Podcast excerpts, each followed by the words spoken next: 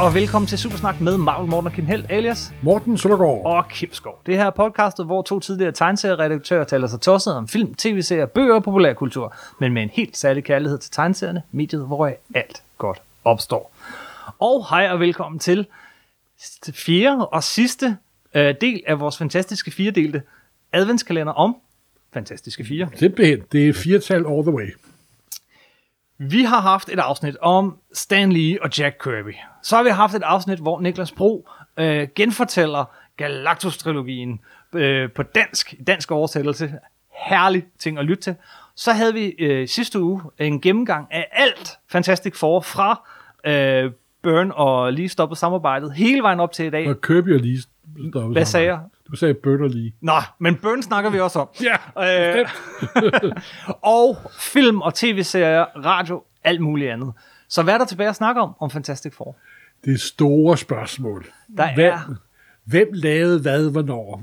Hvem var det Stan Lee, eller var det Jack Kirby? Det her er Det er simpelthen... der McCartney-spørgsmål. Yes. Som er kæmpestor blandt øh, øh, visse kredse af tegneseriemiljøet. Og det er også, hvem er det, der skabte det her? Hvem var det, der, der egentlig var primus motor på ja, selve Marvel-universets øh, Simpelthen. grundfjeld? Hvem, hvor kom den kreative gnist fra? Og til at snakke om det, så havde vi for øh, nogle måneder siden faktisk øh, en gæst med her i studiet, øh, så, øh, som vil hjælpe os med at snakke lidt om Ja. det. Og det er, Mathias Wivel, øh, en kult, øh, kul, kunsthistoriker, og som til daglig har øh, med at gøre med renaissancekunst på National Gallery fra det 15. til det 16. århundrede, og han er købefanatiker, mm-hmm. og ved virkelig meget om det simpelthen. så Og vi har diskuteret lidt om, hvad kom først, kø, kø, hønen eller ægget, købe eller stand i. god fornøjelse med det, det kommer her.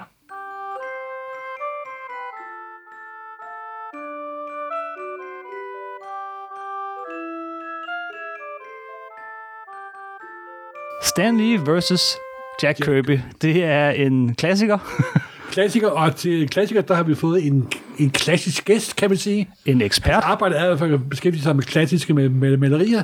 Mathias Wivel, Ja. kendt tegneseriefan, og du er også kurator på National Gallery, ikke? Jo, Godt. det er rigtigt. Men du er mest tegn, tegn, tegneseriefan. Og han elsker Det er det Kirby. samme. Han elsker Kirby Er det det lige så samme? meget som, som mig. Det er på en måde det samme.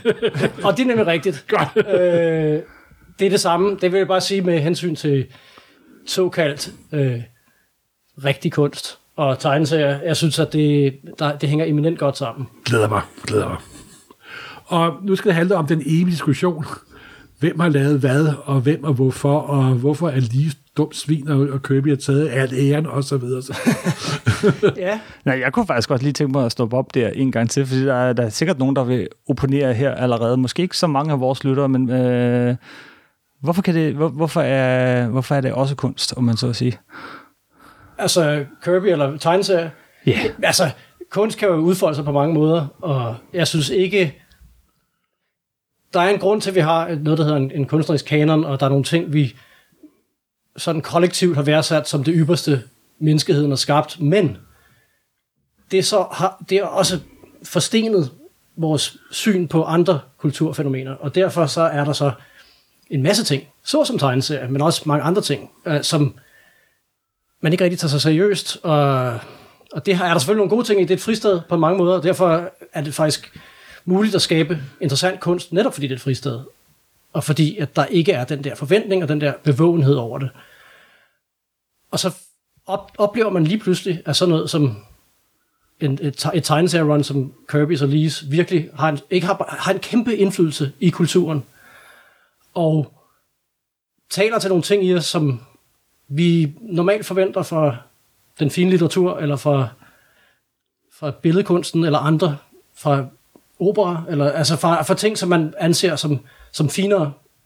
Og jeg har altid holdt meget af netop det der med at kollapse de der, de der barriere mellem det fine og det ufine, selvom jeg samtidig går ind for, at noget er bedre end andet, og bare fordi, at man har set sig ondt på tegneserien kollektivt, kulturelt, så betyder det ikke, at tegneserier automatisk er fantastiske, og, og altså, alt det der fine, det skider vi ikke, og sådan noget. Det, den der er også meget mod den der sådan rentalistiske Ja, selvfølgelig, altså, selvfølgelig, selvfølgelig. Øh, Realisme, det er selvfølgelig mere noget med at gøre med moderne kunst, og man, som er uforståelig og sådan noget. Men der har også været en tendens til blandt fans og sådan noget, ligesom at ikke interessere sig for netop de der ting, som, som har altid været værdsat og været op på en pedestal og sådan noget. Der er en grund til, at de er på den pedestal, Ja. fordi de er pissegode. Du er jo en del i begge lejre, må ja. man Ja. sige. Ja, netop. Øh, og det nyder jeg. Det synes jeg er sjovt. Jamen, det, er også, altså, det er også derfor, du er så perfekt til den her po- podcast, simpelthen. Og men kan, kan du måske lige øh, sætte et ord på, hvad det så er, du laver til daglig? Jeg er ansvarlig for det italienske renaissance-malerier fra 1500-tallet på The National Gallery i London. Han er chef for chokoladefabrikken, simpelthen.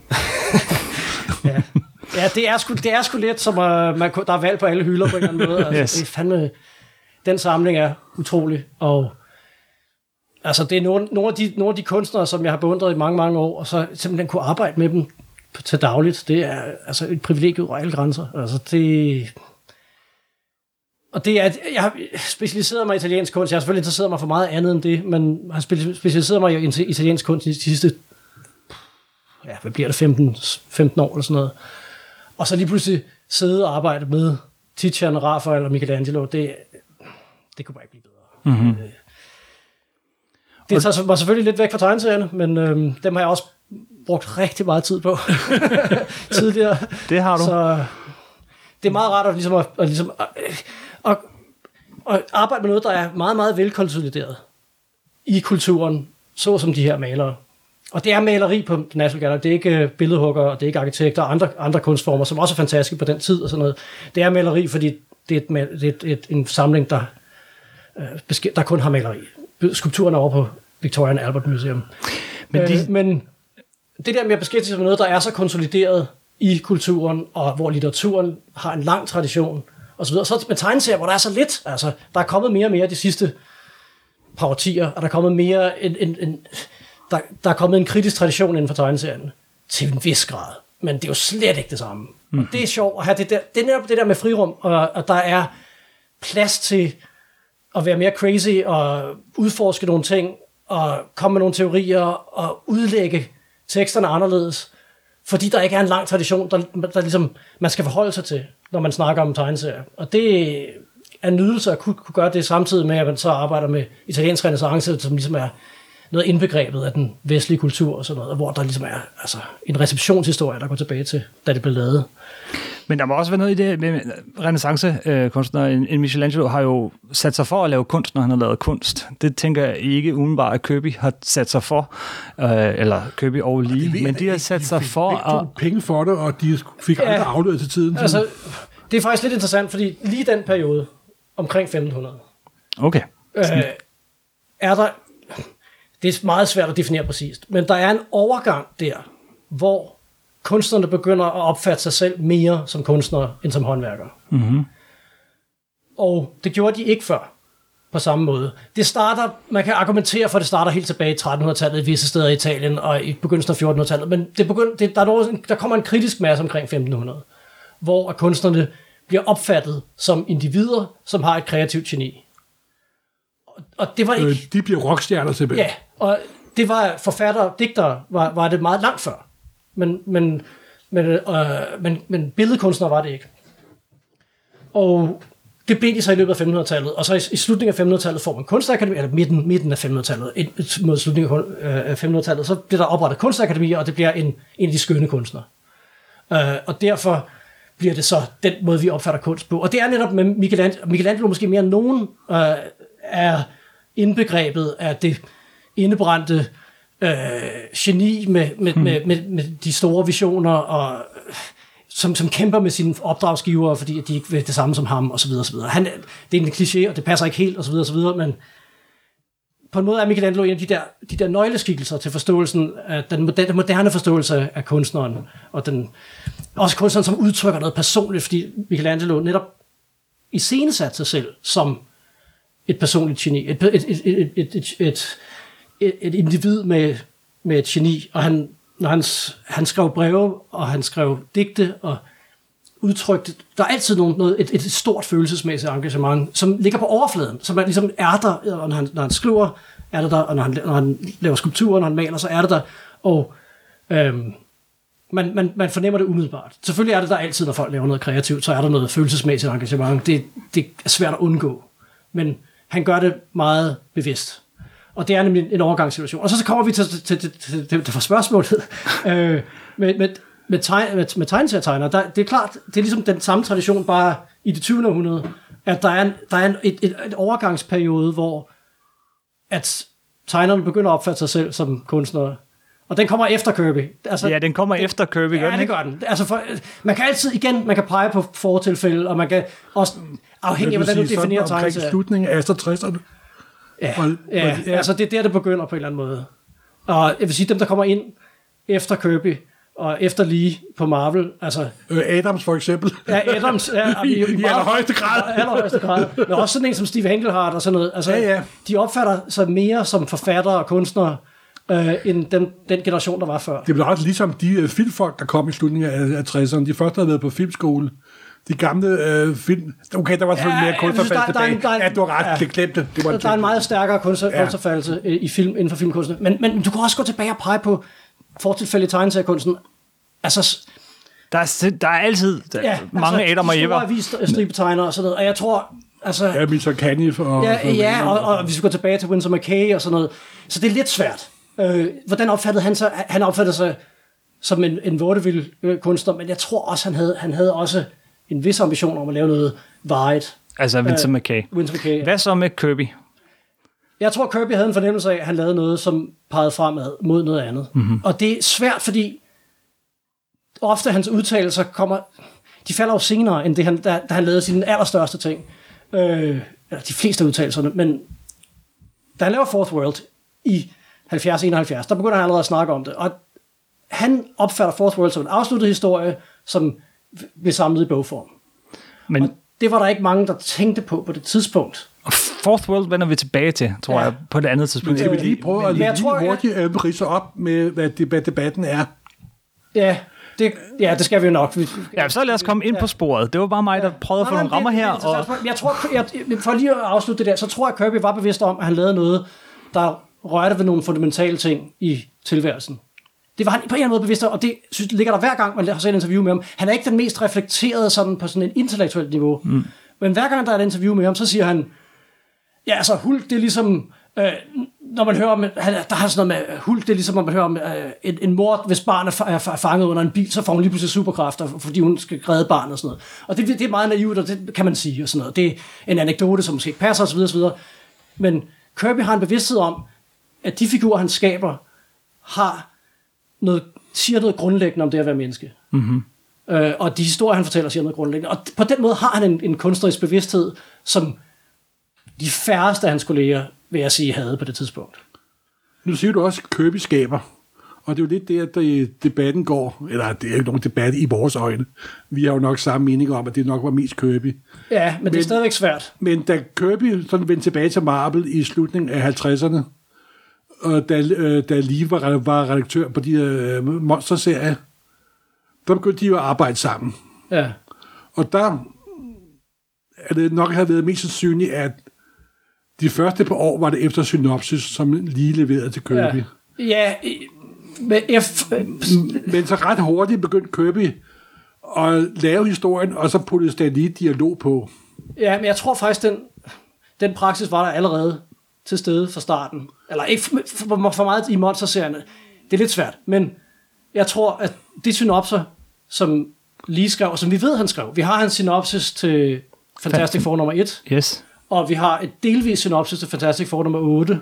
Og jeg tror, jeg har ikke set, men jeg tror, der er nogle andre brudstykker her og der, og det vil være interessant, det er interessant, at Stan Lee har givet, øh, overleveret sit arkiv et eller andet sted, jeg kan ikke huske, hvor det er henne. Øh, og det interessant, hvis der er nogen, der graver ned i det arkiv og finder mere. Jeg ved ikke, hvor meget han har bevaret. De men, har jo nok været smidt væk, de fleste af dem. De Ja, det- det- det vil jeg også tro. tegner, Det vil jeg også tro. ud bagefter. Men det ville være interessant, om der, om der Ja, kommer noget ja. mere ud på en eller anden måde. Ikke? Også det der med, jamen, det er et sidespor, men hvad, har- hvad har Stan Lee originalsider og sådan noget? Ikke? Øh, der var alt det der, der, der, der Amazing nogen som Fantasy helst. originalerne blev givet til Library of Congress, altså med Spider-Mans første Hvis det var Stan Lee, der havde givet dem, så havde han sagt det. Ja, det var det ikke. Men, men den spekulation blev sat i gang, og du tænker sådan, havde Stan lige noget? Havde han, havde noget materiale, som vi ikke har set? Havde han originaler til nogle... Ikke har, anyway, det er en et tidsspor. Der har været ja, rigtig mange tidsspor, meget, meget intro her, øh, for, for at komme ind på selve emnet, som jo er lige eller Kirby, ja. eller lige og Kirby. Og det, det er jo det, der er, det, der bliver diskuteret er, hvem skabte hvad, og i hvilken grad skabte hvem hvad, ja. øh, kan man sige. Øh, Stan Lee har jo fået rigtig meget æren for hele Marvel-universet. Øh, til Og dels selv forskyldt. Ja. Øh, øh, jeg har lige læst hans... Øh, ja, og så til, til dels selvforskyldt, ikke? fordi han har også været en forfærdelig god promoter, og, og læser man øh, sådan noget af det tidligste, der er af det her, som for eksempel øh, om Origins, Marvel Origins, et hæfte, der kom i 70'erne, der øh, handler om, hvordan Marvel-universet kom til. Der er han der Origins of god til at... Ikke det er de der bog, bogform. Ja, ja, der er han god. Bare lige nu prøver jeg lige at riste lidt op. Der er han god til at sådan, øh, øh, øh, sige, hvem der var med til at lave tingene og, og på den måde. Og, øh, og der er også sådan, når man læser for eksempel Fantastic Four fra begyndelsen og, og hen, så, så går det fra at stå Story Stan Lee til efterhånden Stan Lee and Jack Kirby. Ja. Og så glipper den nogle gange, Ja. øh, og så kommer den på senere. Men, men altså, der, der, det virker som om, der har været nogle diskussioner, og ikke bare mellem Stan Lee og Jack Kirby, også Stan Lee og Steve Ditko Det, for det, eksempel. det, er et meget, det er et meget vigtigt parallelspor. Den, den, I- Yes.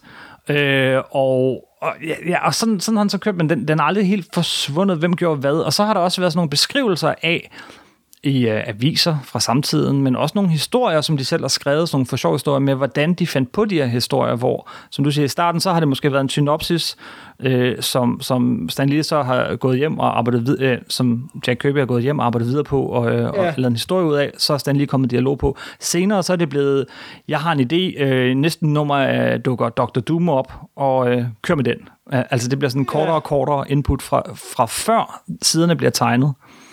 Ja, men jo, jeg skal men sige, der, det, der er det jo stadig så om, at lige at den er den styrende, skabende kraft. Ja, og det tror jeg- og, og det tror jeg ikke, han har været.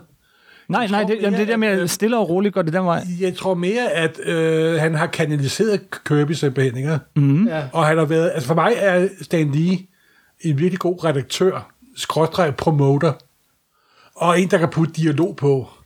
Men selve den skabende proces, der hænger jeg jo meget til, at det er Kirby, der har lavet næsten det hele.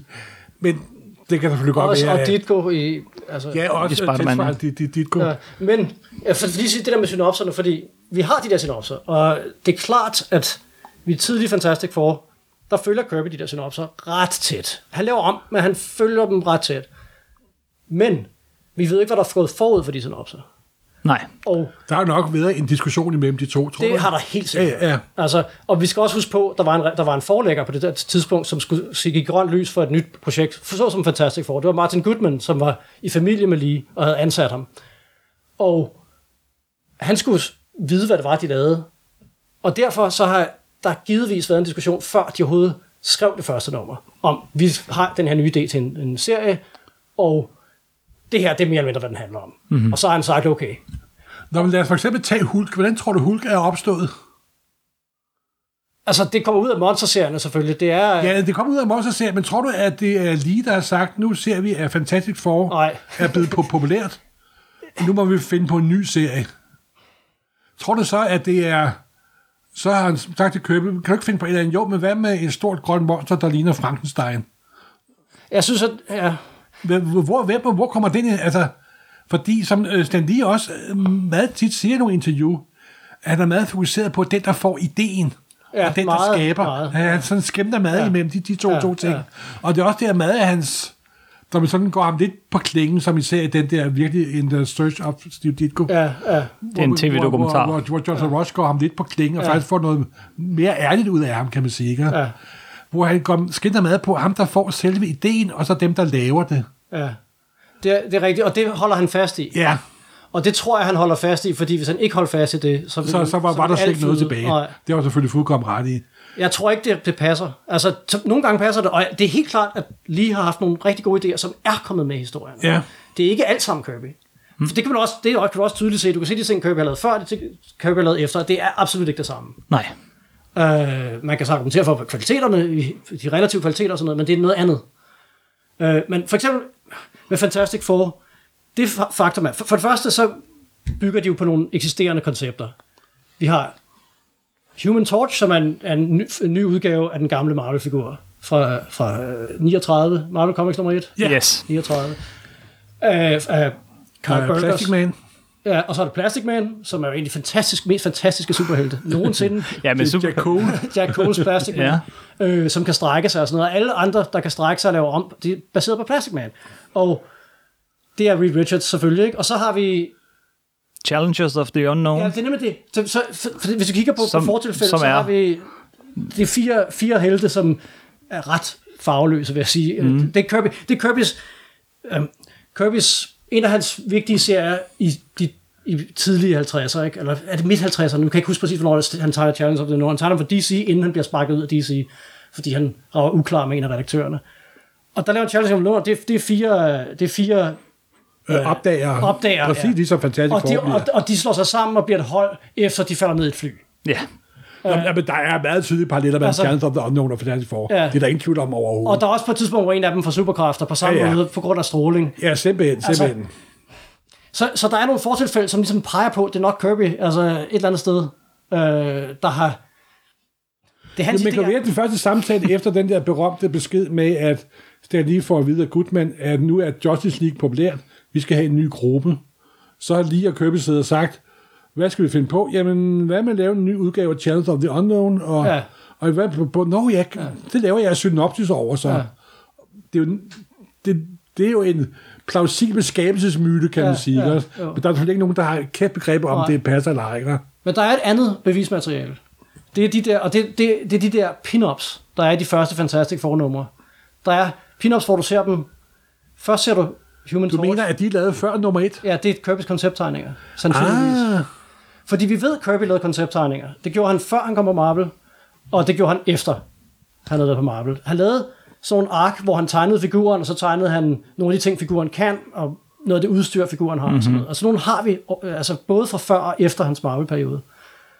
Og de der pin-ups, der er i de første Fantastic Four, og det er noget, som John Morrow har påpeget øh, i, i det der meget nørdede tidsskrift, øh, Kirby Som- Collector. Yes. Øhm, verdens bedste blad. Ja, ja. Det er ikke noget, jeg har fundet på, men jeg synes, det er en overbevisende teori, at de der pin-ups, fordi den med Johnny Storm, og jeg tror den med, jeg kan ikke huske, om det er den med Susan Storm, eller den med Ben Grimm, Nej, Susan Storm kommer til sidst. Selvfølgelig kvinde. Det, det er en af de ting, vi også lige skal ind på. Det, den, Du at den usynlige kvinde er lige ja, med kvindens stilling i starten, altså 60'erne. Ja.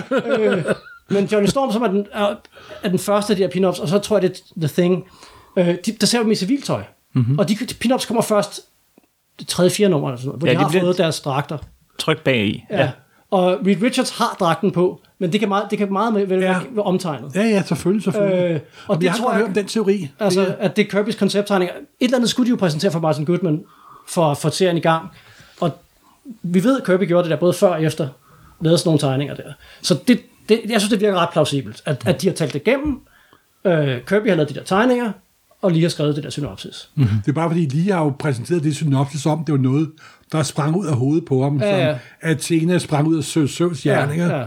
Men det er jo, det mener jeg sådan, øh, 70'er, 80'er, 90'er Stan Lee, som der var meget selvprogrammerende, må man Ja. sige. Og havde en meget dårlig hukommelse. Det, jamen, ja, det det. kan jeg skrive under på. Og, han, og han begyndte at tro på sin egen, sin egen hype på en eller anden måde. Jo, det er klart, historie. hvis man bliver interviewet om samme ting hele tiden, Konstant, ja, ja. så har man sådan en standardhistorie, og så går der fem år, og så kan du ikke kende forskel på standardhistorien og så, og så virkeligheden. Ja, Det er der mange politikere, ja. der også lever af. ja, ja, ja, det gør vi vel alle sammen på en eller anden måde. Altså, nogle gange så oplever man jo netop det der, men man husker noget helt forkert, og man mener præcis, man kan huske, det var sådan. Og så kommer nogle andre Det har vi alle, op, alle ja. oplevet. Øh, ja. Men hvornår mener du så, at de gik bort fra at bruge synopsis og gik over til sådan en ren marbemetode, hvor et, nærmest var Kirby, der leverede skitserne, og så operaen, Altså, og vi så ved, at- var det bare lige, der vi puttede ved, ord på. at Kirby begynder at skrive noter i maven på, sin, på originaltegningerne. Jeg tror, det er i slutningen af 64. Jeg kan ikke huske det helt. Jeg tror, det er der. Ja, Og der, altså, det er en, et, en skillelinje på en eller anden måde, at han begynder at lave de der maven-noter. Og det, Og, og med, med noter i du, at han laver noter til uh, Stanley med, hvad kunne de sige der i her? historien? Hvad foregår der her? Ja. Hvad handler historien om? ja no, no, nogle gange er det jo også de her dialogstumper og sådan Ja. noget. Ja, ja. Altså det er Kirby, han, så så Marvel-metoden, som lige forklarer den, er, at der først diskuterer de, de mødes, de to mødes, og så diskuterer de, hvad historien skal være. Uh, og det kan være meget overfladet, som du, så, som du uh, opridsede før, eller det kan være mere uh, i, de, i detaljer, men så skriver, skrives der synopsis, nogle gange skrives der ikke engang synopsis, men så er det Kirby, der sætter sig ned mm-hmm. og, laver, og laver historie, laver, visualiserer historien. Og når han visualiserer historien, så skriver han den også på en måde. Ja, ja, fordi det er, det er jo der helt tempo, sceneskift, ja. øh, det, det hele. Og det er, når Kirby senere siger, at Lee skrev ikke noget som helst, jeg skrev det hele, så er det fordi, han synes, han fortalte historien, fordi han satte sig ned med, med et meget løst koncept, og så lavede han det til en historie. Mm-hmm. Øh, og når han, da han begynder at skrive, maven, skrive noter i maven, så er det simpelthen fordi, at Lee har meget lidt, ved meget lidt om, det, det er tydeligt, altså, at, at Kirby skal kommunikere til Lee, som skal skrive dialog på historien, uh, ind i taleboblerne, at han skal jo vide, hvad der, er, der foregår på de her tegneseriesider, han har modtaget. Jeg vil sige, at Lees arbejdsdag, sådan for omkring øh, 62, 63 til langt op i 60'erne, var møde på kontoret, mappe, og lave en masse administrativt arbejde, lave rationelt arbejde, hjem, spise aftensmad, og så skrev han 10 siders tegneserie. ja, ja. Og det var, at han lagde dialog på Ja. de ting, som det... Og han har simpelthen kværnet 10 sider igennem ja. hver, eneste aften. Og jeg, jeg tror, han nød det. det, er det man kan høre det i interviews også, han siger, det er som at løse en kryds og tværs. altså, han får de der sider, men et eller andet, han skal skabe sammenhæng i. Og det gør han så. Og det gør han nogle gange eminent. Og jeg synes måske, vi skal, senere, senere skal diskutere nogle af de ting, hvor han virkelig, nogle af de tilfælde, hvor han gør noget interessant. Men det, jeg synes, på det tidspunkt, hvor Kirby begynder at lave de der maven-noter, der er det tydeligt, at det er ham, der ligesom er drivkraften, den fortællende drivkraft, og også den skabende drivkraft, altså i, i meget, meget langt stykke af vejen. Det er ham, der finder på det. Altså, mm-hmm. jeg ved ikke, hvor meget lige har fundet på. Så har vi i 65, eller det er begyndelsen af 66, interviewet er lavet i 65, i begyndelsen af 66 har vi den der artikel i uh, New York Herald Tribune, som, blev, som splittede dem, eller accentuerede den splittelse, der var mellem dem. Yes. Der er en journalist, på det tidspunkt var Marvel ved at blive rigtig populær, der er en journalist, der besøger redaktionen. Uh, jeg ved ikke, om de stadigvæk er Empire State Building. Jeg elsker, at de var i Empire State Building. det synes jeg er så fedt. Altså, det er Marvel, det er tidligt, timely, at der lå i Empire State Building. Uh, det kan jeg ikke huske, om de var stadig på det tidspunkt, om de er flyttet. Men uh, han besøger dem og beskriver, hvad der foregår på redaktionen. Og han har mest snakket med Lee, og han er meget, helt klart meget imponeret af Lee. Uh, Og lige er også god til at sælge, sælge varen. Ja, ja, han er charmerende, han er solbrændt, han er, er smart klædt, ja. Og så videre, og så videre. Og, han, og det er meget for Lees hånd, eller for Lees mund, man får for det, der foregår. Og vi hører også om Ditko, som din, altså, jeg tror, da interviewet blev optaget, der, der har han lige skrevet. mm. øh, jeg kan ikke helt huske, altså, for Dit, Dit, Ditko gik, var det 64?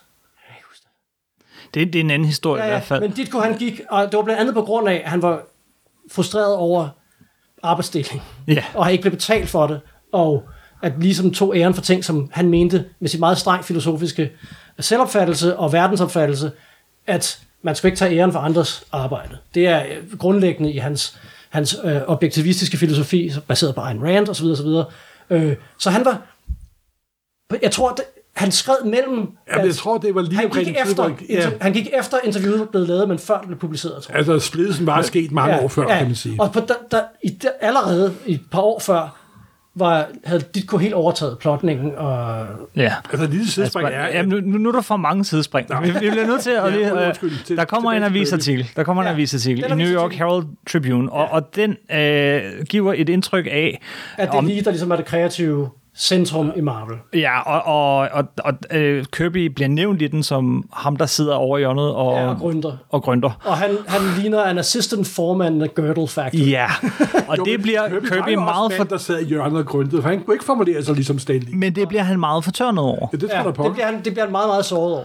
Og øh, det er jo ikke Kirby, der, øh, hvad hedder Stan Lee, der har skrevet den artikel, øh, men stadigvæk, øh, Men, han bliver fortørnet. men det, der er interessant, er også for den artikel, det, for det første, grund til at snakke om Ditko, det var, at, at, at lige han, han beskriver Ditko som arrogant og sådan noget. Den. Altså meget... Gør han det i den artikel? Ja, ja. Han siger, nu, nu fordi at han har fået en succes med Spider-Man, føler han som om, han er the genius of the world. Ja, han, han, Og han gør lignende i brevkassen, med, Jeg ja. har ikke nogen anelse om, hvad, hvad ideen er, hvad, hvad tanken er med den her historie, men Ditko, han skrev han ville skrive den selv og sådan noget. Han, han er lidt sur, og, han, og det samme har han haft med Wally Wood tidligere, Wally Wood på Daredevil, som også var sur over, at lige tog æren for noget, han skulle, og han ikke blev betalt for mm. at skrive historierne, når nu han rent faktisk skrev dem. Øh, og det er så det også, der var med, jeg tror Kirby har også følt sig, men Kirby er sådan indbrændt. Han, han, han går ikke op og snakker med lige om det, vel? Han siger det ikke til lige. Altså, han går bare og bliver er indebrændt og bliver sur og sur over det, og så kommer den der artikel, og så bliver det endnu værre. Og så er hans kone synes også, det er for, for galt. af Kirbys kone, og til sidst så bliver det for meget. Ikke? Mm-hmm. Øh, men det, der er interessant med den artikel også, er, at de beskriver en plotkonference. De der, som vi, som, som vi ved også fra sekretæren på Marvel, Flo Steinberg, var, at de havde plotkonferencer langt op i 60'erne. Så de faktisk mødtes og diskuterede historien. Det, det gjorde de. Mm-hmm. Øh, så ved vi ikke, hvor meget de diskuterede, i hvor mange detaljer og sådan noget, men det gjorde de. Og den der, for, der er lavet, jeg tror, det er fra 65, slutningen af 65, der, for, der er, beskriver de en, en sådan en plotkonference, hvor det, så til Fantastic Four nummer 55, der hvor uh, The, The Thing kommer hjem til Alicia Masters, og Silver Surfer er der, og så tror han, at Silver Surfer er ved at møde sig ind på hans kæreste, og han har jo det der mindre værtskompleks, The Thing, og så bliver han sur, og så begynder han at tæske løs på Silver Surfer. Og det er et ret, ret fuldt nummer, faktisk. Han smadrer ham gennem Ja. væggen, så vidt Og i den plotkonference, der lyder det som om, det er lige, der finder på det. Og det er det måske også, i lige det der tilfælde. Det ved vi ikke. Eller også, at, den, at det er en, at en gentagelse af en plotkonference, jeg har haft tidligere. Det er svært at sige, mm. men hvis, hvis den er sand, den der plotkonference, så er det lige, der har den idé, at, at, at uh, The Thing bliver jaloux på The Silver Surfer. Altså, et med trekantsdrama lyder som typisk lige, vil jeg Ja. sige. ja, altså, og, det, og jeg tror ofte, så tilskriver man lige netop det sæbeopera-agtige Ja. aspekt, som er så et bærende aspekt. Uh, ikke af både Fantastic Four og Spider-Man, som er de to hovedværker. Uh, men så skal man selvfølgelig huske på, at Kirby jo også var romanceforfatter. Det var ham, der startede uh, Altså- altså, romance-genren sammen med Joe Simon. Og det er lidt interessant, det der med, at ham og Joe Simon lavede romance-tegneserier i 50'erne. Uh, og var gode til det der. Så jeg ved, det, det, er meget, det bliver meget sparet, altså. Jamen, det er jo, Øh. det, det er jo fuldstændig umuligt objektivt at sige, hvem der lavede hvad, men vi hænger i hvert fald meget, hælder meget kraft til, at Kirby var den kreative kraft, som en lige kanaliserede. Ja. Men, men der er så også mange, der, der, der, der ligefrem udtrykker sådan et, et had mod Stan Lee, øh, altså, og, og, og, og, og, og tager al ære fra manden. Øh, Jo, jo, men, men det er jo, det er jo sådan, som øh, sociale medier er vi i vores, vores dage, ikke? også? Altså dem, der råber højst, de har ret. Ja, og det, der er selvfølgelig en, en, det, meget af det er også kommet, af, kommet sig af, at Kirby i begyndelsen af 80'erne lå en, en konflikt med Marvel, mm-hmm. hvor at han, skulle, han ikke kunne få sine originalsider tilbage. De få originalsider, der overhovedet var, som ikke var forsvundet fra deres lager og givet væk, eller blevet sm- smidt ud, eller ødelagt, eller hvad det, stjålet, eller hvad det nu var, sket med dem, så skulle han underskrive en, en, en virkelig forfærdelig kontrakt, hvor han ligesom afsages al, øh, al, alle sine rettigheder til, til det, han havde skabt for Marvel. Og diskussionen er også kun opstået, fordi der endnu jo er så ufattelig mange penge Ja, bunket ja, op ja. i de figurer. Ja. De er pludselig gået hen og blevet til både min og næsten alle andre tegneseriefans store forbløffelse. Ja. Nogle af de vigtigste øh, fiktive figurer i hele verden, simpelthen. Ikke?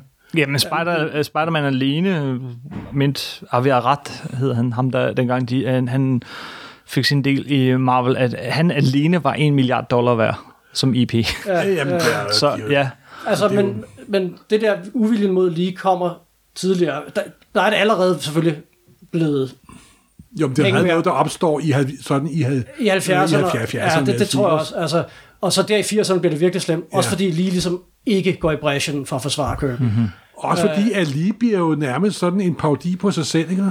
Jo, Den måde, han programmerer sig selv, ikke? Ja. Især i 70'erne, hvor hvis du ser billeder af lige fra 50'erne, så er han en lidt midaldrende mand med pibe og så halskaldet. Ja. Og i 70'erne er han total swinger Ja. med åben skjorte, hår på brystet, kæmpe ryg Og smykker ja, og en sol, solbriller. Ja. Faktisk præcis som man ser i hans sidste Cameron appearance i Avengers øh, øh, Endgame, ja. øh, med Endgame. Ja, ja. Det var en perfekt 70'er stand ja, ja, ja. Jamen, de der solbriller der, de Ja, der de ikke? delvise solbriller. Der, Ja, ja. der er et fantastisk billede, hvor han ligger nøgen på en Ja. sofa Yes. med et blad foran. et nummer af Hulk. dog, dog giant size Hulk, selvfølgelig. Nej, men det, og det er også det, der er... Kirby var jo den, der var chef for evangeliet, kan man sige. Også? Han, han spredte... Han var, han var selve ypperste præsten for Marvel-evangeliet, jo. Og så kørte den bare derud af, og han... Jeg tror ikke, han havde tænkt sig noget over, hvad han sagde. Altså, det må jeg ærligt om. Og det, på, på, på det tidspunkt var det også lige meget, altså på en eller anden måde. Ikke? Altså det, når lige sagde, at det var sådan og sådan, det skete, så var der ikke rigtig nogen, der stussede over det. Andet end tegnerne. Altså, det, det skal så sige, Kirby og Wally Wood og Ditko gjorde. Og de synes, det var irriterende. Altså, Altså, hvis du ser... allerede der, den, der i 60'erne. Hvis du ser på lige Kirby's på produktion, så er der nogen, der siger, at det sidste kreative input, Kirby kom med, sådan rigtig kreativ input, det var historien med uh, The Hive, og hvor him ja, dukker op. ja. Ham, der senere bliver til Warlock. Ja. Vil, vil, du, vil du også sige, at det er der, hvor Kirby sådan... ja, jeg synes, der er nogle kvaliteter i de numre, der kommer efter os, men det er det sidste, den sidste rigtig gode historie. Det er jo den sidste originale figur, kan Ja, man sige. For der, der sker det, at han, han, han, han, han bidrager mindre og mindre til Ja. historien, stille og roligt, og Ja. de, de sidste øh, 10-15 numre øh, af Fantastic Four er, er, forfærdeligt. det, det, er, det er sørgeligt næsten, ikke? Ej, jeg vil sige, op til ja. omkring 93, der er det okay. Så kommer der også den der under, underlige periode i Marvel-historien, hvor de pludselig beslutter, at hver nummer skal være afsluttet. Hver Ja, historie skal være ja. afsluttet i et Martin nummer. Goodman vil lige pludselig mm. en, Ja. laver, Men, og så kommer der jo enden sådan til sidst med Fantastic Four nummer 100, der er ved Gud er noget af det mest triste på den Ja. jord. Ja. Og så var Kirby væk i nummer 103. Yes. Men det er interessant med den der historie om The Hive, fordi Kirby har, det, det, grundlæg, det, det handler om meget kort, er, at der er nogle videnskabsmænd, som har forskanset sig et la- langt sted ude i ødemarken med den mest avancerede teknologi, som de vil ændre verden med. De har skabt et kunstigt menneske, det finder vi ud af senere, og til det skal, men det menneske har, har sådan en stærk energiudstråling, at de ikke kan se det. det er sådan lidt mærkeligt, men det er så problemet, og derfor skal de have den blinde Alicia Masters til at komme, fordi hun er den st- største billedhugger i verden. Ja, det er så fedt, hun er billedhugger. Fantastisk historie. Fedt, hun er billedhugger. Og så, kom- så henter de hende med sådan en teleportør, og de går ind og henter hende, og henter hende op til det der, den der base, de har. Og så skal hun vi, øh, øh, våge sig ind der, hvor øh, det her nye menneske ligger i sin puppe, og lave et, en fremstilling, så de kan se, hvordan han ser ud. Det er så ideen. Og Kirby's idé var, at de her videnskabsmænd er ikke onde, de er idealister. De er idealister, der tror på individets overmagt og geniets magt. Og de vil skabe sig en ny verden for, for, for de klogeste og for de bedste. Og for, altså, de er sådan med det der vulgær, det, det, det meget problematiske øh, udtryk, der hedder socialdarwinister, det er de så med, med hensyn til alt- alt det intellektuelle. Altså med, med at de klogeste skal overleve og sådan noget. Og det er altså Ayn Rands filosofi, den filosofi, som Steve Ditko i øvrigt øh, til, er tilhænger af. Og det, det, det Kirby vil fortælle, det er, at når man, når man når man tænker på den måde, så var der altid nogen, der er klogere end en selv, eller stærkere, eller, og så skaber de et kunstigt menneske, som ødelægger dem, som, smad, som smadrer dem. Og det var så, og det er så ham, der senere bliver Adam Warlock og sådan noget. Men øh, det laver Stan Lee om. Han, han får sig de der sider med, med noterne i marven, og så skal han lægge dialog på, og det, så kan han jo ligesom putte sin, sit fingeraftryk på historien, som, som forfatter og redaktør, og så laver han det om til, at de er bare nogle, viden- nogle onde videnskabsmænd, der vil have verdensherredømmet. Og det var ligesom ikke helt det, der var pointen. Og det er så teorien er, at Kirby derefter siger, Ja, "Ej, nu der, gider det, jeg er, ikke det, er, det er kun teori. Der er ikke noget belæg for den. Nej, ikke helt. Men så inter- interessant nok, samtidig, mere eller mindre, der, han, ligesom om, at Kirby holder, holder den kreative kraft gående længere på Thor, som er hans anden hovedserie, Mhm. mm-hmm. øh, som altid bliver lidt overset, fordi Fantastic Four er så centralt for vores for, for, De, de sidste halvandet år, han var på Thor, var ganske Ja, fantastiske. det er nemlig det. Altså, Thor bliver ikke dårlig. Og der dukker him jo også op, faktisk. Ja, og en virkelig interessant historie også, hvor Thor får the, the Warriors Madness, fordi at him kommer, Warlock kommer og, og bortfører. Og hvor øh, Kirby også Sif. fortæller øh, øh, Galactus Origin. Ja, og, og det, er det, med, det er den anden historie, som, som skulle have været, have været en af, en af og det bliver også lavet kraftigt op. jeg at var lige. lavet om på den. Og det var faktisk, synes jeg faktisk, til Lis fortjeneste. Den historie, den er, det, den er helt et, et total rodebutik, som den er nu. Men vi kan se på magnoterne på Kirby's øh, sider for den historie, dem der ikke blev brugt. Der, altså, han, Kirby lavede historien, han vil fortælle, der er et tidsspor, eller der er ikke et tidsspor, der er en forhistorie. Så den, øh, Kirby har skabt The Silver Surfer sammen med, eller som, som, som en herold for Galactus i den første historie, hvor Galactus kommer til jorden og vil æde, æde hele planeten og alt det der. Nå ja, så og den lige overtager jo Så- Silver Surfer. Ja, ja netop. Og så laver de nummer et, uden at fortælle det til Kirby. ja. Hvad Stan Lee og jo John berettiget Buscema. bliver en lille smule sur over. Ja. må jeg, okay. Jeg vil, den der historie fra Thor, den vil jeg høre lige om lidt. Men den anden, det med Silver Surfer, er jo faktisk meget godt et billede på, hvad der sker her. Fordi, bare lige, så vi ikke taber sporet fuldstændig. Fordi de, de samarbejder, og som vi siger, øh, Købe, han begynder at lave øh, noter ud siden. Han, han, han nærmer, nærmer, nærmest laver han hele historien, når han laver noter, men det er jo ikke altid, at Stanley han følger de noter, og især ikke forslagene til dialog. Øh, det ændrer han løbende, men, men, men Og det er på den måde, de, øh, de arbejder sammen. På et tidspunkt, og det beskriver han jo Stanley med hans ord øh, i Marvel Origins og mange andre gange siden, at øh, da de laver den her øh, berømte Galactus-trilogi, som den senere blev kaldt, øh, med, med historien om Galactus, der, øh, der har de snakket lidt sammen inden. Øh, Kirby han afleverer siderne, og lige pludselig er der en herhold, der er Silver Surfer, som de overhovedet ikke har talt om. Og det siger Stanley også. Det, øh, det kom fuldstændig bag på, men det var da en dejlig idé. Øh, Ja, og det, det er fordi Roy Thomas stod og kiggede ham over skulderen, da det skete. du tror, det er derfor, han siger Ja, det det? siger Roy Thomas. Ja. Han siger, det er grunden til, at, han, at det var, at Roy Thomas stod der og så, da siderne kom. Ja. Hvis han ikke havde stået der, så er det ikke sikkert, at lige havde sagt det der. Det er meget muligt. Det, det, det, det kan så godt være.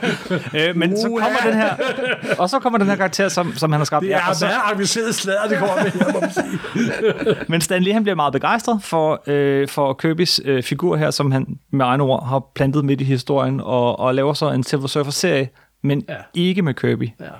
Det er, er det 67 eller 68, den kommer? Det er det omkring. Øh, det er jo de, det er meget sjovt. Det er de sidste numre, der kom på dansk. Og det er vist... Jeg tror, det er øh, 66 68. Det er, hvor Galactus igen prøver at æde jorden. Nej, nu tænker jeg på den første, den der Silver Surfer-serie. Lees og Buscema Silver Surfer. Nå, men den kommer jo omkring øh, Fantastic Four nummer 69 og 70. Ja, og hvor... hvor, Og hvor de tror, tror Kirby endda er nødt til at lave sine historier om, Ja. så det passede til Ja. den nye udgave af Silver fordi Surfer. Kirby havde en idé om, hvad Silver Surfers oprindelseshistorie var. Ja, så Kirby har kastet sin kreative kraft ud over tegneseriesiderne. Øh, han har skabt noget, han er glad for, Silver Surfer. Stan Lee tager ham, den figur, laver noget helt andet, end Kirby havde tænkt sig. Ja. tvinger Jack Kirby til at finde på noget andet i den historie, han er ved at lave, altså det Ja. næste i, Ja. i Fantastic Four, og det er også med til at, Ja. at skabe den her splid. Ja. Og så er der den historie, Ja, du vil frem til. ja, netop. Jeg vil lige sige, altså det er ikke for at være alt for ondt mod lige, men den Silver Surfer lige, lige laver, er en, en altså, det er så, en sådan banalise- banalisering af figuren, at det næsten ikke er til at holde ud. Altså, Ja, jeg er meget glad for de numre. den, er, altså, den er så forfærdelig. Det er fuldstændig ulæseligt. Altså, og det er lige på sit allermest prætentiøse, på det tidspunkt, hvor han ligesom tror, at han er, at han er medskaber af det der. Han og det er han han også. Han er medskaber af det. Det er ikke, det er ikke for at være alt for ondt mod lige, men man kan virkelig se kontrasten. De var når man enormt læser, populære, da de kom. Ja, men den varede kun 12 numre eller sådan. Øh, 18 nummer. Hvor det er den nummer, okay. Og sidste nummer var faktisk tegnet af Kirby. Ja, hvor han er pisse, pisse sur. ja. Savage Silver Surfer. The Savage Silver Surfer. Nej, men jeg tror, at de der numre af Silver Surfer, hvor Stan lige begynder at lægge dialog på, der bliver han meget optaget af sig selv, simpelthen, ikke også? Ja. Og de er sådan... Han tror, at han så sig selv lidt som en pseudo-Shakespeare på det tidspunkt. Ja, altså det er Den- virkelig, Den, den får han- hele det er armen. virkelig pinligt. Jamen, synes du ikke, det er pinligt? Jeg må indrømme, jeg har lidt mere... Jeg har ikke så aggressivt forhold til dem, som du har. Må jeg Det er så forfærdeligt. Jamen, synes du ikke, at John Buscema's tegninger er Jo, fantastiske? jo, selvfølgelig, selvfølgelig. Jo, jo, og han, og han får jo lov, han får lov som ingen andre, altså han får lov at fylde mere. Så Og, lige hugger totalfiguren for, for Kirby, simpelthen. Der er, sådan, det er også et tidspunkt. Der er, der, der er en, en, en, nummer 4 af den serie, som er en af de flotteste tegn. Thor. Nej, Silver Surfer. Ja, Silver De er over i Surfer. Buscema. Det er der, hvor de er hos Thor. Det er der, Ja, hvor Sam ja, Buscema ja, ikke har John Buscema. ja, ja, ja. Og der, hvor faktisk, det har været en maskuline øh, Kirby, øh, Silver Surfer i tre numre, men det er Så første den- fire numre, ja, hvor det bliver en spinklet Silver Surfer. Og det er faktisk meget fedt. Ja, Men den historie, den... du sagde noget positivt. Ja, nej, Buscema. Buscema har fortalt senere, at da han afleverede den historie, så svinede lige ham til og sagde, det er forfærdeligt, du har overhovedet ikke lært Kirby-metoden. Alle, alle skulle lære at tegne ligesom Kirby. Det var ligesom, han var ligesom blåtrykket for, hvordan man lavede Marvel-serie. Og han, han hejlede ham ned. Og jeg tror, det er, der, er- der, er- der er sådan en sekvens i Marvel, How to, How to Draw Comics the Marvel Way, som de lavede sammen, hvor de, er, de har en plotkonference, og der, hvor lige står sådan og peger og, sådan noget, og skælder ud på ham. Og der er sådan en meget dramatisk, meget dramatiseret udgave af sådan en plotkonference. Og jeg tænker, den der, det er Buscema, der, der, der bliver hejlet ned på grund af øh, Silver Surfer nummer 4. Øh, og bagefter, så udtaler lige, det er noget af det flotteste arbejde, Buscema nogensinde har lavet. Det er noget af det bedste, Ja, Buscema det er har det. lavet. det er, og, det var, og lige kan slet ikke huske det, selvfølgelig. Overhovedet ikke huske det. Sådan en, jamen, jeg, har, jeg har været til middag med Stan Lee, og det har været kun middag. Og jeg snakker slet ikke meget med ham. Jeg spurgte ham kun om én eneste ting. En utrolig vigtig periode i Marvels historie. Og han havde ingen hukommelse om det overhovedet. Der var ingen hjemme, simpelthen. Det var, det var altså, det var han, en mand, der levede i nuet, det må man sige. Ja. Jeg vil gerne tilbage til. Thor. Ja. Så, nu kan jeg ikke huske, hvad for nogle numre, der tror, det er. Men det, det er Galactus' oprindelseshistorie. Det er fra nummer 160 til nummer 169. Ja. Og det starter fantastisk, og så bliver det, går det totalt i smadret. Det bliver det forvirret til sidst. Ligesom det her podcast efterhånden. Ah, så slemt er det da heller ikke. Så uh, Kirby har sat sig for at fortælle Galactus oprindelseshistorie, og der er mange fans, der siger, det er for, at lige ikke også lige skal kuppe den, og det ved jeg ikke, om det er. Men han vil gerne fortælle hans, hans oprindelseshistorie. Og det begynder han på, og så afleverer han nogle sider til Lee, hvor at Galactus bliver heldemodig, hvor at, at Galactus og Thor allierer sig til sidst, og skal rejse tilbage mod jorden, hvor der er sådan en åndssvag figur, der hedder The Thermal Man, som er sådan en stor androide, som kommunisterne har skabt, som er ved at smadre New York. Øh, Nå, ja, men og det... som Balder og Sif Ja, ja, ja, ja. Og, er, er nede på jorden og skal slås mod. Og så skal Thor tilbage, og Galactus har besluttet sig for at komme hjælpe Thor til at- at besejre den her idiotiske robot. Og det er altså Kirby's idé. Og det der er jo totalt tåbeligt. Ja, virkelig tåbeligt. Og det laver lige om. Altså det siger lige, det kan, kan vi simpelthen ikke have. Altså at Galactus lige pludselig bliver en helt. Det, altså det, det dur ikke. Og derfor bliver den klippet op, og bliver grundlæggende så den der, øh, det, hele den der scene med, med Galactus og Thor ude stedet ude i universet, hvor Thor har mødtes med Galactus, den bliver bare kottet, og så tager Thor tilbage til, hmm. til jorden og hjælper med den der Thermal Man, den der dybt kedelige øh, opgør med den der idiotiske Det er nummer 170. Ja, det er virkelig altså ikke øh, for- Kirby's finest hour, det der. Det er det altså ikke. Øh, og der har lige altså gjort noget godt, fordi han, han ser muligheden i at Galactus i fremtiden. Hvis han lige pludselig bliver, altså, har, får en, en samvittighed og sådan noget, det dur jo ikke. Jamen, Han det er jo også lige øh, redaktøren, der kommer ind der, ikke ja, også? ja, ja, Og det er jo faktisk lige største, ja. Og største det, for, der fortjeneste. redder han altså noget, synes jeg. at han var en fantastisk øh, redaktør, faktisk. Ja, ja. Øh, og der kan man så begræde nogle af de sider, som man så har set gengivet i fanpressen siden, nogle af de sider, som der droppet, er pisseflot. Det er de jo altid. Altså, der er nogle sider, hvor man bare tænker, hold kæft, man, det er bare Kirby for fuld udblæsning, det der, og det er så fedt. Men, altså, hvis, hvis, hvis, hvis, hvis Jeg omkostningen tror faktisk, det er nogen... Jeg tror også, en grund til, at Kirby tog mere over. Det var fordi, at de fik enormt travlt til starten af 60'erne. Og lige slet ikke havde tid til at redigere Ja, Kirby. absolut. Og Kirby bare fik lov til at køre derud af simpelthen. Ja, ja. Og, og den der historie, du lige har snakket med, der Terminal Man og Galactus, det er de få eksempler, hvor Kirby faktisk har skrottet Kirby-sider. Ja, Fordi det var jo penge ud af vinduet simpelthen. ja, Ja. ja, ja. Så det, øh, det var et godt redaktionelt øh, indskab, og så Ja, ja, ja, ja, ja, det var- også væk i nogle ganske få måneder senere jo. Ja. Ja. Simpelthen. ja. Altså, så lige har været redaktør på godt og ondt på den måde. Altså, det må man sige. Og jeg synes, altså, det, de skabte noget specielt, og da det spillede, var det altså helt utroligt. Og min yndlingsscene, de har lavet sammen, det er den der baseballkamp i Wakanda. Efter, der er selvfølgelig alle mulige andre fantastiske scener før, men vi har det der utrolige med Galactus-sagaen og alt det der, og så tager de til Wakanda og møder The Black Panther for første gang, det er også en fantastisk historie. Med, Det er starten nummer 4, fantastisk for nummer 54. ja, og så der spiller de baseball Ja. øh, et sted i Wakanda med, med deres superkræfter, og det er bare, altså, det er simpelthen ren tegneserieglæde, altså fra dem begge to. og de spiller perfekt sammen. Man kan se, altså det, når, man, når man har læst meget af det, så, så begynder man at, at forstå de steder, og det, og det bliver efterhånden ret tydeligt, når man læser det, hvor de ikke taler sammen, hvor mm. der ligesom er et eller andet, der skuer, et eller andet, der ikke fungerer. Og Kirby er ofte en fortæller, som ikke helt hænger, det hænger ikke helt sammen, det han laver. Altså, det er ofte sådan, så er han så hurtigt på aftrækkeren med sine sider, at han glemmer nogle mellemregninger og sådan noget, og så skal han lige skrive dem ind. Øh, og så han skal ligesom redde, at, at Kirby ligesom ikke har fortalt, hvad der skete med den og den figur, eller hvad, hvad det nu er. Det er, sker tit og Det sker faktisk. meget tit, altså, og man fornemmer det meget i Kirby's egne arbejder i World, hvor der ikke er nogen, der gør det. hvor det bare sådan, hov, hvad skete der der? Øh, og her, der spiller det sammen. Altså, og man kan se, hvordan at, at lige griber Kirby's bolde og gør noget vidunderligt ved dem med, med, med, med dialogen, og den måde, de taler sammen og sådan noget. Og den, det er, det er fi- tre-fire sider eller sådan noget, og det er bare det er Jamen, perfekt. det er fra den historie og et år frem. Altså. Det er jo også for mig selve guldalderen, ja. selve ground zero. Ja. Især Dr. Doom, Silver Circle Ja, er kræfter også og så videre. Ja, det er for mig, det er for, Galactus er stor, men for mig er Dr. Doom for Silver Circle kræfter, det er der allerstørste simpelthen. Vi kommer, ikke, hvad jeg har sagt 28.000 gange, gange, gange, gange før. vi kommer ikke til at, at, at blive færdige med at snakke øh, lige og Kirby og lige mod Kirby og alt sådan noget, men jeg ser lidt en chance her for at binde sløjf på hele Jeg skal lige diskussionen. sige en ting, øh, Mads. Ja. En ting, Kirby Stan Lee var enormt irriteret over, var, at Kirby læste aldrig, hvad Stan Lee skrev. Yes. Ja. Altså, han var totalt... Fordi når det hæfter kom på gaden, og han kunne læse, hvad Stan Lee havde skrevet, så var Kirby 10 millioner mil den anden vej, som ikke Der er jo et, et herligt radiointerview, som øh, blev opsnappet. Vi har faktisk også spillet det her Supersnak en gang, men jeg kan prøve at finde det frem igen. Øh, hvor at øh, Kirby, det er efter brudet, øh, og nogle år efter, jeg tror vi er oppe i, i starten af 80'erne næsten, øh, øh, hvor Kirby bliver interviewet på hans fødselsdag, og pludselig ringer øh, Stan Lee ind til radiostationen, ja, og så har de sådan en samtale, øh, som, som hvor at øh, Kirby, han, han har i det der radioprogram sådan lidt, altså den her diskussion, som vi har her, ikke? at uh, det var mig, og det var min, og sådan noget, men så snart, også, var så Kirby snart, på det tidspunkt. han er allermest bitter, men så snart Stan Lee så er der, så ændrer han sådan en ja. helt tone, altså han, vil, han kan ikke have den der konfrontation live over meget æderen, og, og de sige. begynder at blive venner og sådan noget, men så drejer han lidt over et skænderi igen, øh, for, øh, hvor lige netop siger det, men Jack, du læste jo aldrig, og du, du satte aldrig pris på det, jeg skrev. Du satte aldrig pris på det. I'll say this.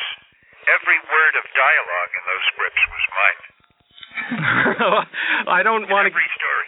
I can tell you that I wrote a few lines myself above every panel that I. Yes, I've seen those. They weren't printed in the book. All right, look, both of you. Hey, kids, both of you guys. Jack isn't wrong by his own lights because Jack, answer me truthfully. I wasn't allowed to write. Did you ever read one of the stories after it was finished? I don't think you did. I don't think you ever read one of my stories. I think you were always busy drawing the next one. You never read the book when it was finished. Dialogue, Stanley. Huh? Let me get in there with it. Professor to my own dialogue. And uh, that I think that's the way people are. So uh, whatever was written in them uh, was insi- well, it, it, it, you know, uh, it was the action I was interested in. I know, and I really think, and look, Jack, nobody has more respect for you than I do, and you know that. But I don't think you ever felt that the dialogue was that important. And I think you felt, well, it doesn't matter. Anybody can put the dialogue in. It's what I'm drawing that matters. And maybe you're right. I don't agree with it, but maybe you're right. Jamen, det er da utroligt, at der er de her tre mennesker, Stan Lee, Steve Ditko og Jack Kirby. Det her triumvirat af kreativ kraft, der i starten af 60'erne i løbet af ganske få år skabte noget, vi sidder og snakker om den dag i dag. Og de har åbenbart aldrig kommunikeret med hinanden, Nej, simpelthen. nej, nej. Det var fuldstændig fantastisk, simpelthen. Altså, Men når det spillede, så spillede ja, det må man skulle sige. Og kan vi ikke så lige runde af med det, med et par ord på det? Altså, hvad, og selvom det bliver meget banalt og sådan noget, men, med, for, men, men for alle dem, der ikke er Kirby øh, lige aficionados på samme niveau som I to, øh, Øh, kan du, nu vi har dig med, kort fortælle, hvad var det hvad, i din optik, som lige kunne, hvad kunne Kirby, og hvad kunne de sammen? lige havde et fantastisk blik for, for hvad der greb læseren, synes jeg.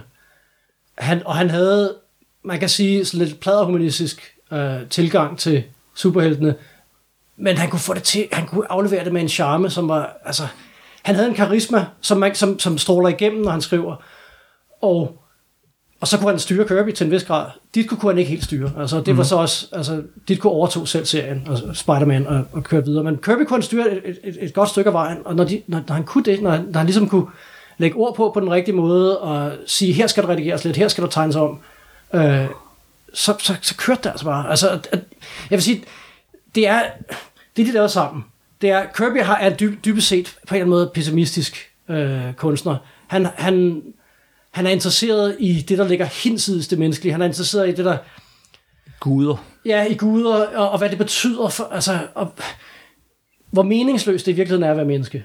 Hmm. Øh, og hvordan vi, for, hvordan vi prøver at skabe mening ved at fortælle, os om, fortælle, fortælle om guder og give guder menneskelige træk. Han, han, han, han har en, en, en trang til, til at komme ind til det der, hvad, hvad, hvad, hvad er det egentlig, der giver mening? Og er der virkelig noget, der giver mening?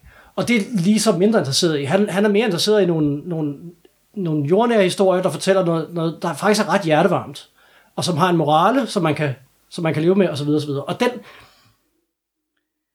den kombination er god. Altså Galactus-sagaen er jo dybest set, og det er også derfor, det er ærgerligt, at Galactus kom tilbage, ikke? fordi han skulle kun have været der dengang, hvis man virkelig, hvis man virkelig skulle se på. Sådan er det læse Der er nogle fede Galactus-historier senere, men den første, altså, hvor der nedstiger den her skikkelse fra, ud- fra, fra verdensrummet og truer med at udslette jorden, og så lykkes det dem med, med list og forskellige ting øh, at, at fordrive ham, og han lover ikke at vende tilbage til jorden osv. osv. Men, men det er det der med, at der kommer en kraft, som de ikke forstår, øh, og som ikke kan forstå, som er større end menneskene, og som de bare må opgive overfor. Og selvfølgelig er der så en, samtidig er der en historie om menneskelig snille, fordi at det lykkes dem med noget hjælp fra The Watcher, som også er en figur, en, en anden rumgud, der, der også er til stede, ikke, og som så hjælper dem. Øh, men det vi har en, en kombination af, hvor ressourcestærke det lille menneske er, hvor ressourcestærkt det lille menneske er, men også dybest set, hvor, altså, hvor, hvor ubetydeligt mennesket er. Og det, den kombination, synes jeg, er meget, meget stærk i det lige Kirby laver sammen. Mm-hmm. Øh, men den kommer også nogle gange over i, i noget, der bliver lidt pladet humanistisk. Altså, og, og det synes jeg er mere lige en Kirby, men, men de er nok begge to lidt om. Og, det, og så kan man så sammenligne med Kirby efter, det ved jeg ikke, om vi også, måske skulle gøre på et tidspunkt også, men nu vil jeg lige høre, hvad, hvad Morten siger. Mm, ja, jeg har sådan set ikke rigtig noget at sige. Du har sagt det ganske fantastisk, altså. Jeg siger bare, at de var jo ligesom, ja, en jeg brugt 10.000 gange før, Lennon og McCartney. Altså, ene, hver for sig var de okay, men sammen var der den her underlige ja, kreative sy- syntese, Ja. hvor, hvor de, ja, de blev næsten en. Det har en Og, utrolig og skabte charme. de her bevægelser, som vi... Altså, jeg, vi har lige siddet og bladret nogle bøger mm-hmm. igennem, ikke også? Og man ser et billede, og Og du hver, bliver betaget af den... Ja, for mig er det jo det nærmest kreativ grundkraft, der er de her billeder, simpelthen. Jamen, og, øh, og historierne, og... Ja, og de har selvfølgelig inspireret hinanden, altså Ja, på en eller anden måde, selvom de talte forbi hinanden, og i virkeligheden var meget dybt, for- var dybt forskellige Nå, mennesker. men det er da meget typisk af kreative par, at det er det, det kreative samarbejde er vigtigt, men de har ikke noget at gøre med hinanden socialt, og de er sådan, sådan, sådan set ret forskellige, og så videre, så videre. Men så lad mig komme med en påstand, fordi det, vi snakker om, det er, når de to sammen, så, så spiller orkestret, ikke? Når de to er sammen, så, så er det den, Jamen, måske det kunst, og- og- og- eller ja, så heller Lennon og McCarthy sammenligningen, tror jeg er bedre, men øh, den er der, så der er et sammen, men jeg ved ikke, om der er et hver for sig, fordi Kirby alene, han skaber noget helt fantastisk. Der er noget Kirby for sig, vil men er der egentlig, ikke er der mere egentlig, symmetrisk end det her. Ja, okay. Er der Øh, egentlig Kirby et- er selvfølgelig en, i mine øjne en langt større kreativ kraft, end Stan Lee er. Ja, fordi er der egentlig et lige for sig? Er der ikke kun lige og, lige og, øh, Ditko lige og, øh, Buscema lige og, øh, Jo, der er, der er lige for sig, hvis du og- ser ham som promoter af hele genren, Ja. ja. af hele Yes. ideen om superhelte, Smiling så er der en bestemt en lige. Ja. Og, det, og, det er, og det er for mig ikke nogen spor negativ rolle. Det er en stor rolle. Ja. Mm-hmm. Og den har han kun til fuldkommenhed, simpelthen. Ikke? også? Ja. Men det er ikke ham, der har været inde bagved og bygget værket. Det er det ikke. okay. Men, men det er rigtigt, og, det, og lige ser muligheden også i, at det der med, det hele hænger sammen. Mm-hmm. Der er en kontinuitet i det, og at figurerne møder hinanden i, i, i forskellige hæfter. Det, det tror jeg mere har, end det er Kirby. Selv de helt tidlige, når X-Men lige pludselig dukker op, så er det fordi, de lige har sagt, skal vi ikke lige få X-Men ind, fordi det sælger ikke så godt og sådan noget. Så smider vi X-Men ind Fantastic Four. Så det er meget paradoxalt dengang, at Fantastic Four selv bedre end X-Men. Det var, men, øhm, Den tid er kommet igen. men at, at, lige, han ser muligheder, som Kirby ikke ser på det tidspunkt. Øh, eller Ditko, eller hvem det nu er. Altså han ser nogle muligheder for, for at bygge noget større. Og, et univers, Ja. som med tiden er blevet måske den største sammenhængende fortælling i menneskets historie. ja, Marvel-universet. En, hvis, altså, det Jo, er det vel, hvis har du tæller set nogen, der har, alle der sider har sammen. kommet med, med argumenter imod i hvert fald. altså det har så også sine problemer, kan man sige, fordi at det har, altså, jeg ved ikke, hvor mange år det efterhånden er. Hvor mange årtier er det? Hvad, hvor gammel er Marvel? Det, det kommer også an på, at man går helt tilbage til Det, det kommer an på, 39 hvor du starter. Men Ja, ja. hvis vi siger fra Fantastic Four 80 nummer år. et, De har 80 års fødselsdag i år. det er fra 39. Det er fra Ja. 39, ja. 80 år med så mange historier, altså, og en påstand om, det stadigvæk hænger sammen. Ja, det gør det jo ikke. Det gør det jo ikke. Altså, og det, og Jamen, det det skaber synes nogle jeg, det- problemer jamen- for... for øh, Umberto Eco har det der fantastiske essay om Superman og myten om Superman, hvor det hele tiden handler om at f- f- vende tilbage til status quo. Det er det, som Superman-historien handler om, og det var mm. de der fantastiske Mort, Mort Weisinger-historier i øvrigt, men det, så er de meget.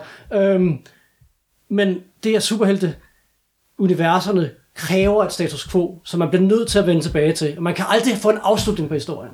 Man kan aldrig få reel personudvikling, fordi at det altid vender tilbage. Og det bliver det nødt til, hvis det skal fortsætte. Jo, men det, er, det ser jeg ikke som noget, som noget negativt, må jeg indrømme. Fordi hver generation får alligevel deres udgave af universet. Jo, men det sætter nogle begrænsninger, kan man sige. Det sætter nogle begrænsninger på, hvad for nogle slags typer historier, man kan fortælle. Det Ja, oh, oh, oh, okay, det, er ikke gør det. nødvendigvis negativt, men, Men de begrænsninger bliver der jo omgået nu, for eksempel i filmens univers. Der er der jo afslutning Ja, på historien. Jo, der møder de sig selv de problemer efterhånden, når de Jo, men der, der er der jo afslutning på Iron Man og afslutning på Captain Ja, America. det er rigtigt. Det er rigtigt. Det er der og, jo. det, og det er noget, der er rigtig fedt ved de film. Og det er jo faktisk, øh, fordi de ikke fysisk kan gøre dem. Ja. Hvis, hvis Disney kunne holde mit liv evigt 35 år, så har de nok gjort det. Ja. Det er jeg ret sikker på, men det kan jeg ikke. Det, det kan de ikke. Men. og det, det gør de en dyd ud af, de film. Så det er jo også nok måske lige så meget øh, formen og mediet, der gør, at historien bare bliver ved hele, hele, hele tiden. Og, og Men det vil en, vi... af, en af grundene til, at, at Kirby måske ikke kunne blive ved, fordi Kirby grundlæggende tro, forstår han ikke rigtigt det der. Aha. Han er ikke interesseret i det. Han Nej, er han vil- interesseret i at afslutte sin. Han vil gerne have en slutning på, Ja. og det er så tit, han bliver snydt for ja. Den. Og det er det, han prøver med i Fourth World. Ja. Hvor han prøver at slå prøver at slå Thor ihjel og lave nogle nye guder, og det sagde Stan lige nej til. Ja. Men lad Og os, derfor gik han over til DC og lavede The New Gods. lad os lave et helt andet afsnit kun om New Gods. Ja. Og så slut den her af med Lee og Kirby, hvor jeg synes, det er virkelig fedt også at få, få fremhævet de der kvaliteter ved, ved Stan Lee som promoter, men også måske som skaberen af et, et univers, der om ikke andet føles sammenhængende, øh, selvom det Det ikke er altid store er det. komisik, som jeg plejer at kalde det. Yes. Og, og Kirby som, ja, Kirby. Ja. Altså også, men det, lige, at det, den agtiggør læseren, at læseren bliver del af fortællingen. Ja. Han taler direkte til læseren hele tiden, og indforstået, uden at latterliggøre.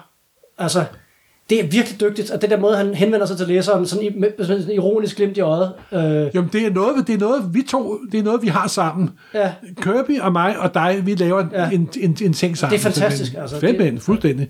øh, og det er der alle mulige, der har prøvet på at kopiere siden. Alle mulige redaktører og forfattere. Og, Og det er aldrig lykkes. og, altså, Så lad os da slutte her. Ja. tak for den gang. Husk, I kan øh, høre øh, alle afsnit inde på supersnak.nu. Øh, vi findes på Spotify, iTunes, hvor du hører podcast. Øh, vi prøver, jeg vil prøve at lægge øh, nogle af de her øh, billeder øh, og artikler, der blev omtalt ind på nummer 9.dk, hvor vi har artikler. Og så håber vi kan have dig med en anden gang til at snakke øh, Jack Kirby's Fourth World. det vil være fantastisk. Det, jeg er en af dem, som synes, at Fourth World muligvis overstråler The Marvel Age. Jamen, så, det, det er en cliffhanger. Hvad? Så, og det er historien om, hvad der siden skete. Vi har en vantro i vores midte.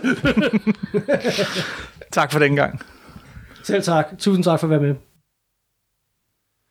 Det var altså vores diskussion med øh, Mathias Wivel om, ja. Hvad der kom først, eller øh, hvad der betød mest, Kirby eller lige. Jeg ved ikke, om vi egentlig kom frem til nogen egentlig Det kommer man afklaring. jo aldrig, fordi det er et, det er jo nogle gange en diskussion om Kina, om kejserens skæg i Kina simpelthen. Yes, men, Men det er altså, sjovt. det er altid en sjov diskussion, og ja, det er, hvad det er. Og med den slutter vi vores... Sammen var de større, end de var enkeltvis i hvert fald. Og det er det vigtige, yes. Netop. Og med det afslutter vi vores adventskalender om Fantastic Four. Øh, men der er faktisk mere Supersnak allerede på næste søndag. Så hele december er der et nyt afsnit af Supersnak. Næste gang er det næsten nytårsaften. Og der vil vi prøve at kigge tilbage på 2019. Fordi Supersnaks 2019 årsrevy. en årsrevy med alle de tegneserier, vi har, og film og tv-serier, og hvad der ellers er, som vi øh, ikke har nået at snakke om. Og 2019 har om noget været det ultimative nørdår. Det har det. Og hvorfor, og hvilken grad vil vi komme ind på allerede om en uge. Simpelthen. Så tusind tak for den gang. Jeg håber, I har været glade for adventskalenderen. Øh, skriv til os, så kan det være, at vi gør det igen. Øh, Og have en rigtig god juleaften. og have en rigtig god juleaften.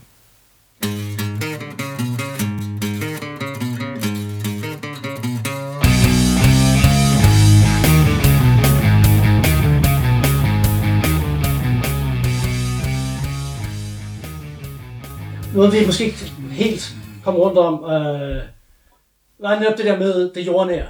Altså, og hvor kommer det fra? Ja, det var ret det der med, at de sidder og spiser. Ja. Og, øh, Ja, og det er op netop vasker at den skal finde ud af, hvor de skal efter Ja. ja. Lise Master, så sidder de og drikker kaffe, er og det, der skal ikke det, der er skægstuer. Ja, ja, ja. Prøv at snakke videre. Snak ind i mikrofonerne. Hvad, hvad er det, vi ikke fik med? Bare kom med det. Ja, fordi det er noget andet, hvor faktisk hvor det med Lee og Kirby Ja. altså, er, er uklart. Ja. Og hvor de begge to har haft, på en eller anden måde, tror jeg, haft et input, som er svært og meget svært at øh, lokalisere. Du mener, det jordnære, hvor, hvor dem, de øh, barberer sig, de øh, vasker sig, de Drikker spiser kaffe. morgenmad, øh, Sue serverer pandekager for, for, for Ben, Ja. der er så bekymret for Alice, hvad sker med hende, han æder med alle, alle sammen på, på en gang. Det er dog en fantastisk scene, Ja, det er virkelig, det er virkelig ut- fantastisk, og det er noget af det, der gør Fantastic Four til det, det er. Altså, Ja, simpelthen. Det er, det er historien om en familie, om deres dagligliv, mm-hmm. som så også handler om, at de tager til The Microverse, eller Negative Zone, eller hvad det nu gør, eller, eller Galactus kommer. Og faktisk i Galactus-historien er det... Der er han også ubarberet, ja, Ja, og der ja. barberer han sig også. Fordi Galactus står op oven på Ja. The Baxter Building og truer med at ødelægge verden. Og der er ikke noget, de kan gøre. Så de kan går lige så ned godt gå i bad og få Ja, noget mad. ja. Og sådan. Efter, efter, en, efter en barbering har det meget bedre. Det tænker klar. Det Simpelthen. er så fedt. Og, og, det er ligesom, og den der baseball-scene i Wakanda, det er det samme. Ikke? Det der med, at de har lige haft et kæmpe opgør med The, the Master of Sound, Claw og sådan noget. Og vi har fået kastet en masse fantastiske koncepter i hovedet på hinanden. Eller i hovedet på os. En kæmpe rød elefant. Og så skal de selvfølgelig have det sjovt at spille baseball. Altså, det er noget af det, Marvel virkelig kan. Mm. Og det er det, der adskiller Marvel fra DC på det tidspunkt. Virkelig det, der adskiller det. At, at det er dagliglivet, og det, det, gen, det genkendelige, det, det, det, det, det nærværende. Selvfølgelig er det det, der i Spider-Man altså, er helt i front. Ikke? Øh, og der er altså, noget meget af det, tror jeg, er Lees fortjeneste. Jeg tror ikke, det, nogle gange kan man sige, det måske det lige, der hele tiden sagde Kirby, nu skal du ikke kun, kun tale om kosmos og guder og sådan noget, vi skal også have noget dagliglivs ind, og at det er Lees indflydelse. Det tror jeg ikke kun det er, fordi Kirby gjorde det også i sin romanceserie. Han opfandt det nærmest inden for, inden for mainstream tegneserie, og lavede noget, der var semi-realistisk. Uh, han har også en sans for det, altså, så hvor præcis, men det er et eller andet, de kan sammen, og det er måske noget af det, de kan allerbedst sammen. Og det er nok også noget af det, Ditko og Lee kan være fælles om til en vis grad, selvom Ditko vil noget helt andet med det end, end, end Kirby. Ditko vil fortælle noget om den lille mand, som vinder frem, fordi han i virkeligheden er et stærkt individ, ikke? og det er det, han vil, frem med. Men det der med at binde det hyperurealistiske sammen Ja, med noget ja. helt dagligdags. Det er virkelig afgørende. Ja. Og man får ligesom... Og det er også det der, samtidig at lige så kommunikerer med læseren og indforstået med læseren, som om, at det er noget, vi har sammen. Det er som om, vi er også en del af den verden, fordi den verden er genkendelig. Og det der er lige har udbredt sig om interview efter interview, at grunden til, at Marvel var så stor, det var, at, helten havde øh, øh, fødder ler, og de fik... Han snakker altid om, hvordan de fik øh, tennisarm og sådan noget, tennisalbu og sådan nogle ting. Øh, og det er selvfølgelig altså realistisk er det jo ikke, altså, det, eller mere realistisk er det heller ikke, men det er troværdigt. Det er et troværdigt mm. univers, som, vi kan, som har nogle... Jo, men det er det- på en eller anden måde er den verden uden for dine vinduer Ja. med superhelte. Ja. Mens DC er myter om guder. Ja. Ikke? Og så ved jeg ikke, om vi lige skal... Vi, fordi vi, vi lovede lige at snakke om, om mandsjuvenisme. Nå ja. jeg synes, Ah, det er jo et kapitel for sig selv. Det er lidt uvildt, men det er lidt interessant, fordi øh, der er nogle virkelig pinlige øh, dialogstumper i Fantastic Four, hvor det er hele tiden sådan noget med at Reed, at Reed han er faktisk pisseirriterende nogle gange. Altså, han, han er virkelig sådan en irriterende patriark, og han beordrer Sue til at gå væk, fordi det er for farligt nu, og sådan noget. Og det er en ordre, og sådan noget. Det er sådan, Ja, det er ja. manden i huset, der ligesom, der, der ligesom ah, instruerer øh, konen, og hun er selvfølgelig kun optaget af at gå shoppe og sådan noget. Sådan nogle ting er der. Og så snakker han ligesom om hendes women's intuition. Og den, nogle gange, kvinder har ret, fordi de har den intuition og sådan noget. Det er så pinligt. Og, og meget af det er altså virkelig lige, altså når han er værst.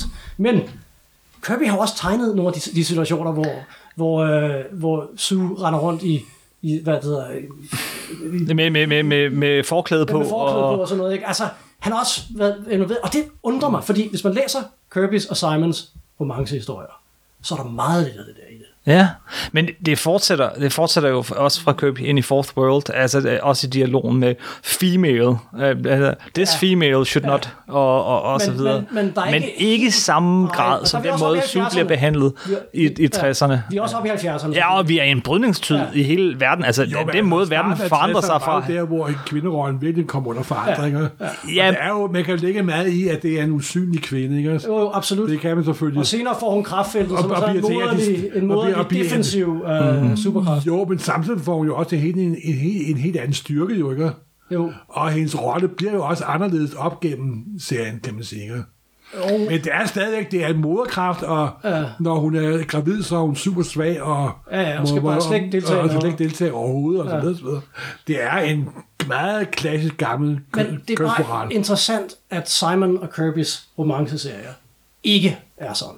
Og det, det, noget af det, der gør dem så fascinerende, det er, de er virkelig på kvindernes side. Mm. Altså, og altså, det er selvfølgelig også, fordi de er lavet til kvindelige læsere. Altså, men, og det har Kirby og Simon forstået. Og det er jo en helt anden historie. Simon og Kirby, hvordan fungerede det?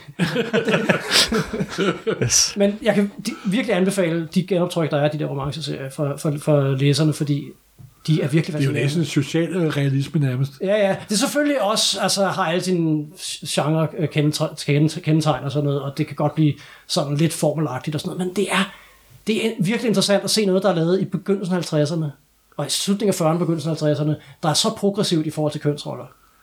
Og det... Simon og Kirby, altså, de kunne et eller andet på det tidspunkt. Men det mangler i Kirby og Lee. Ja, det mangler faktisk. Og det, ja, hvad de hisser hinanden op i mandsjournalisten, det ved jeg ikke. Altså, hmm.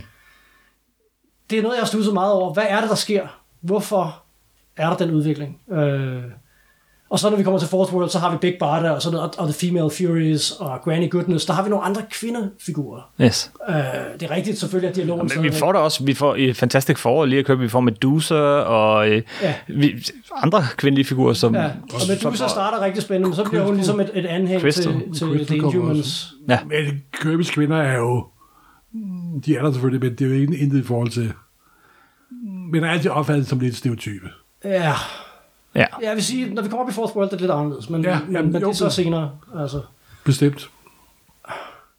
Og, og, og, det er det ikke i romanceserierne, det er bare det, jeg vil sige. Nej, okay, ja, selvfølgelig. Altså, ja. øh, og jeg ved ikke, hvad der er, der sker, men det måske... Det kan jo, det, du har jo måske nok meget, meget, du har nok meget ret i, at ved, hvem der er pu- publikummet. Ja, De er jo trods alt folk, der øh, vil have, at bladet sælger. ja, Og det er rettet mod unge mænd, fantastiske for superhelte. Ja. Det andet er rettet mod unge kvinder.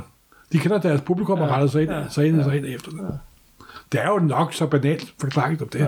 sikkert. ja. Det er sandsynligvis, men jeg, jeg, jeg, så tror jeg også, det er noget, der bare sker, så bliver det en del af tonen. I, I den bredeste forstand, altså også den måde, man tegner på, og den, den måde, man iscenesætter historierne på. Så bliver det en del af den måde, det univers fungerer, og de forhold mellem figurerne fungerer, altså, og så, så bliver det det.